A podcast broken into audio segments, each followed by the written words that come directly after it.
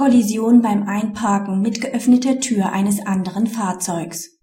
Grundsätzlich sind an die Sorgfaltspflichten beim Einparken sowohl an den Einparkenden als auch an den Fahrer des neben der Parklücke abgestellten Fahrzeugs gleich hohe Anforderungen zu stellen. Die Beklagte stieß beim Einfahren auf einen Parkplatz gegen die Schmalseite der zum Teil geöffneten Fahrertür des Klägerfahrzeugs.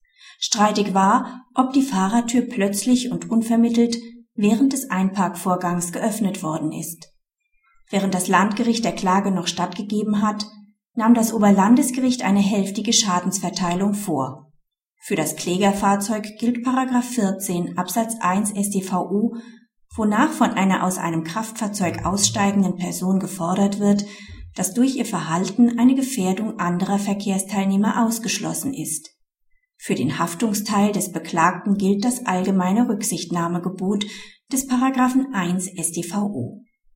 Das Oberlandesgericht bezieht sich, wie das Landgericht auch, auf die Verkehrssituation, die bei einem Parkplatz nicht vom Vorwärtskommen, sondern vom Parken und damit vom ruhenden Verkehr bestimmt wird.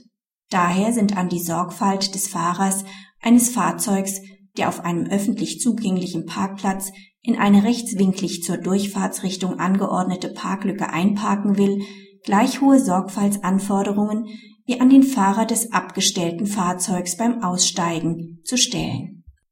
Praxishinweis Parkplatzunfälle werden in der Regel vom Grundsatz der gegenseitigen Rücksichtnahme geprägt. Häufig liegt ein Verstoß beider Verkehrsteilnehmer gegen das Gebot der gegenseitigen Rücksichtnahme vor. Ebenso ist es die Regel, wie im Fall, dass letztlich eine 50-Prozent-Quote gebildet wird.